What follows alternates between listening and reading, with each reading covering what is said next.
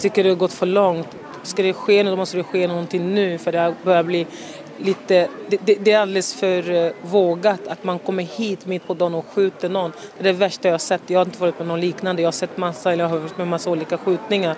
Har hört andra skjutningar men det här, så som man har betett sig igår, det, det är inte klokt, det är galet.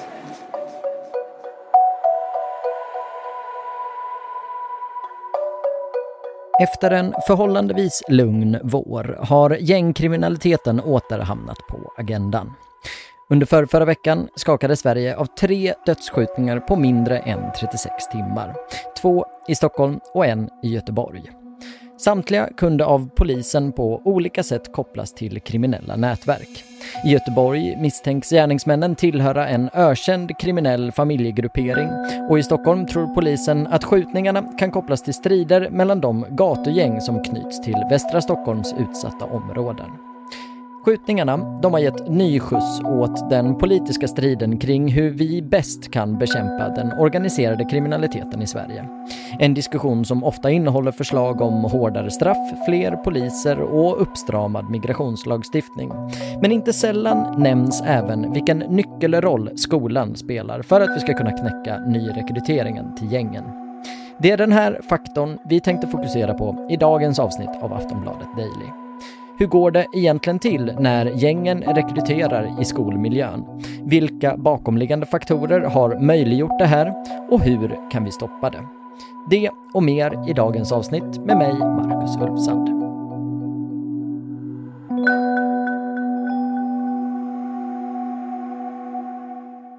Och idag har vi ringt upp Linnea Lindqvist. Hon är i skolsammanhang känd som rektor Linnea och debatterar ofta skolfrågor.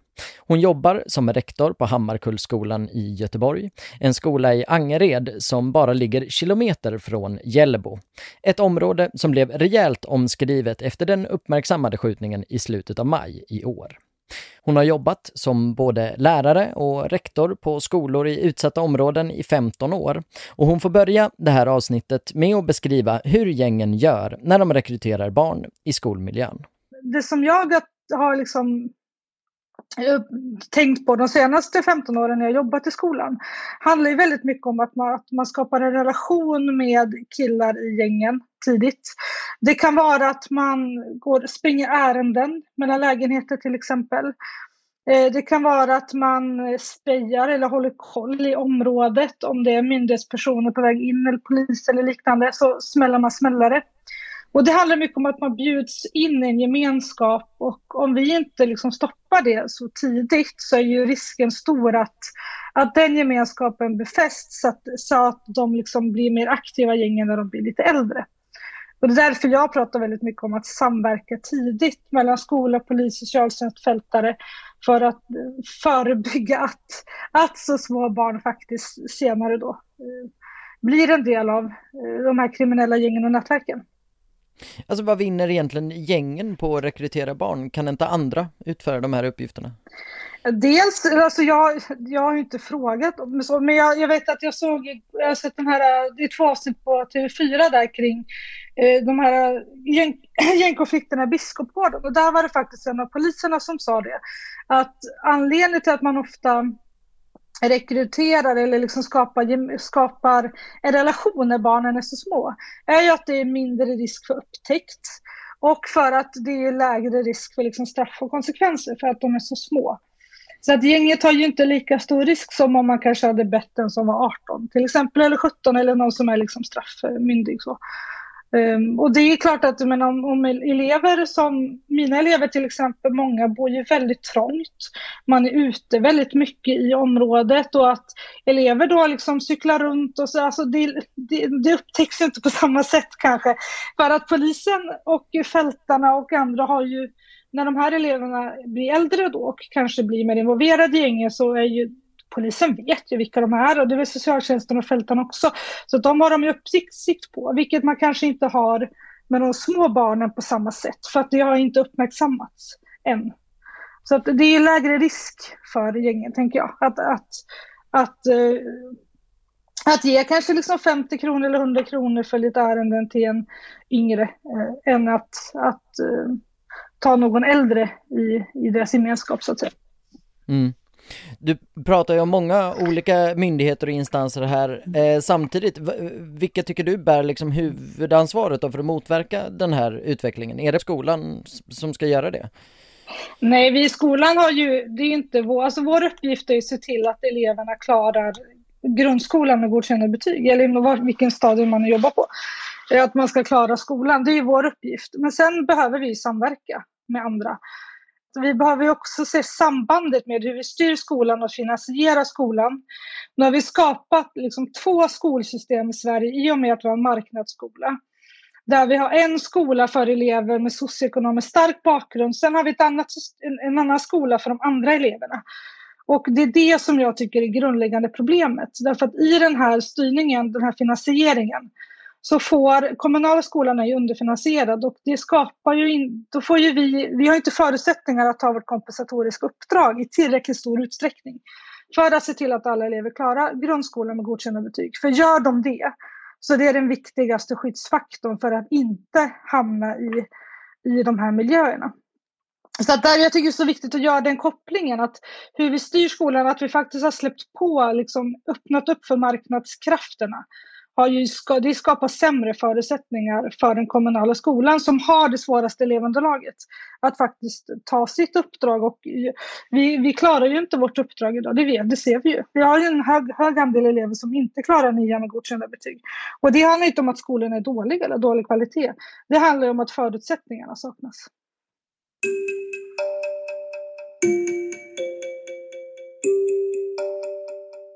Det här som Linnea Lindqvist pratar om här, att vårt system med marknadsskola enligt henne är en av de bakomliggande faktorerna till att det här problemet har uppstått. Det är en poäng hon kommer återkomma till flera gånger i det här avsnittet. Att den här analysen inte delas av alla partier på det politiska spektrat, det är knappast en skräll. Men när man går igenom vad partierna vill göra för att komma åt den organiserade kriminaliteten är det tydligt att alla verkar överens om att skolan spelar en viktig roll. Ett litet axplock. Så är det så att eh, större delen av den svenska skolan fungerar väldigt bra på många håll i landet. Men när man hamnar i de här utsatta områdena så har vi förskola där barnen inte får med sig svenska. En enorm satsning vi gör nu över tre år där vi satsar framförallt på skolorna i de här områdena. Eh, så att vi får de riktigt duktiga lärarna att vilja jobba i de här tuffa områdena men också de elever som behöver extra mycket stöd och hjälp. Vi vill införa någonting som vi kallar för pliktskola för kriminella ungdomar. Därför att skolan ska inte vara en plats för kriminella rekryteringar. Förra året hade vi till exempel 10 000 eh, pojkar varav många med eh, utländsk eh, påbrå eller utländsk bakgrund som inte klarade grundläggande behörighet till gymnasiet. Vi vet att av dem så är det många som bor i särskilt utsatta områden där grovt kriminella nätverk är etablerade och jobbar aktivt för att söka upp de här ungdomarna. Vi måste ge dem en annan möjlighet till en annan framtid. Men då måste man ha grundläggande behörighet ehm, och då måste man fortsätta gå i skolan tills man klarar den. Så att skolan spelar roll är alla överens om, men vägen till en fungerande skola verkar kunna se olika ut.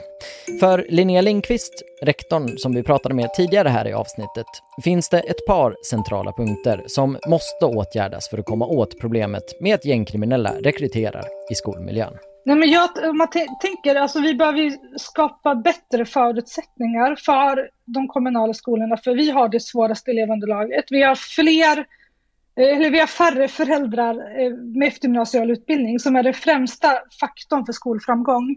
Vi har fler nyanlända och fler elever med utländsk bakgrund och vi har ofta fler pojkar än flickor i de kommunala skolorna.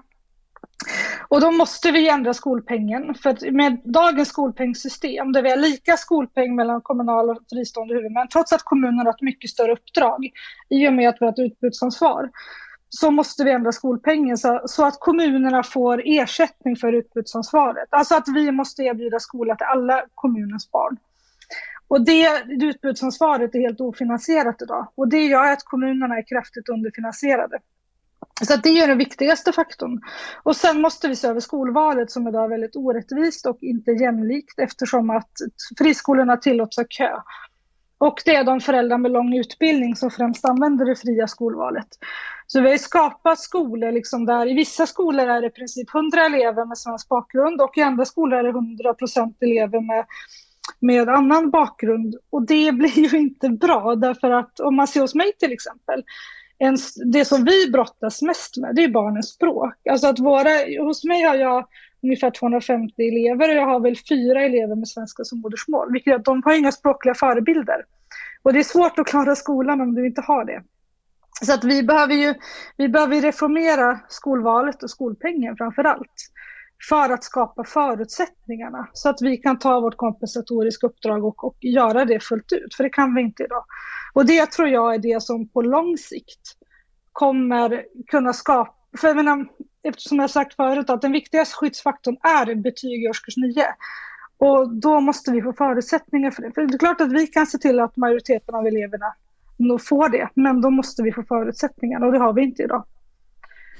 Jag tänker att alla gör ju inte samma analys här. Det finns ju många som tycker att man ska motverka eh, att kriminella försöker rekrytera från skolmiljön men som liksom inte ser några problem med friskolor eller som snarare ser att det är en, en långsökt koppling, att det istället handlar om mer ordning och reda eller betyg tidigare, att vi måste liksom strama upp skolmiljön. Alltså ligger det inte någonting i det här att det, det är ändå liksom Eh, Eh, är det liksom verkligen marknadsskolan som ska förklara varför kriminella rör sig mot skolmiljön?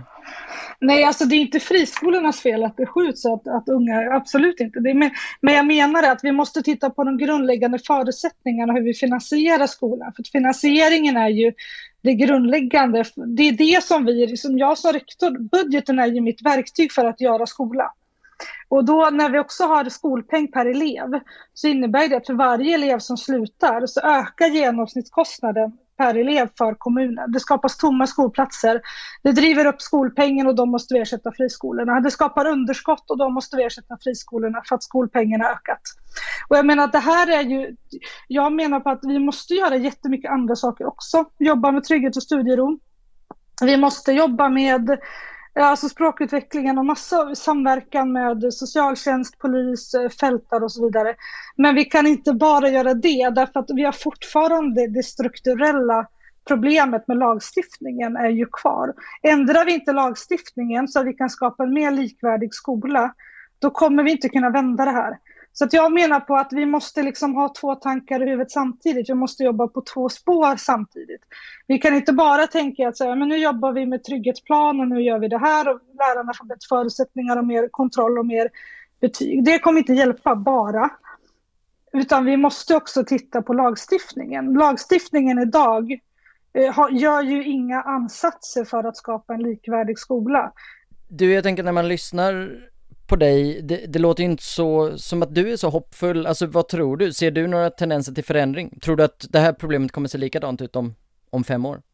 Ändrar vi inte lagstiftning kommer det vara väldigt mycket värre om fem år. Alltså det går åt fel håll och det går väldigt, väldigt snabbt. Jag är djupt oroad över utvecklingen i skolan därför att marknadskrafterna eh, blir starkare och starkare. Vi tillåter att liksom aktie eller riskkapitalbolag, aktiebolag, att vi tillåter dem att ta över makten över skolan och det är fruktansvärt svek från politikerna att man tillåter det. Jag förstår inte liksom hur man kan hur man kan skänka bort vår viktigaste samhällsinstitution till marknaden. Jag tycker att det är, det är det största sveket mot eleverna, särskilt eleverna i kommunala skolor i särskilt utsatta områden. För de betalar för friskolornas etablering och expansion med sämre utbildning. Och det tycker jag, jag förstår faktiskt inte hur man kan, hur man kan försvara ett sådant system. Jag tycker det är fruktansvärt faktiskt. Där hörde ni Linnea Lindqvist, rektor på Hammarkullskolan i Göteborg. Jag som pratar nu, jag heter Marcus Ulfsson och det här det har varit ett avsnitt av Aftonbladet Daily, vår dagliga nyhetspodd. Oss hittar ni i alla möjliga poddspelare, så se till att prenumerera på oss i en av dem, så hörs vi imorgon igen.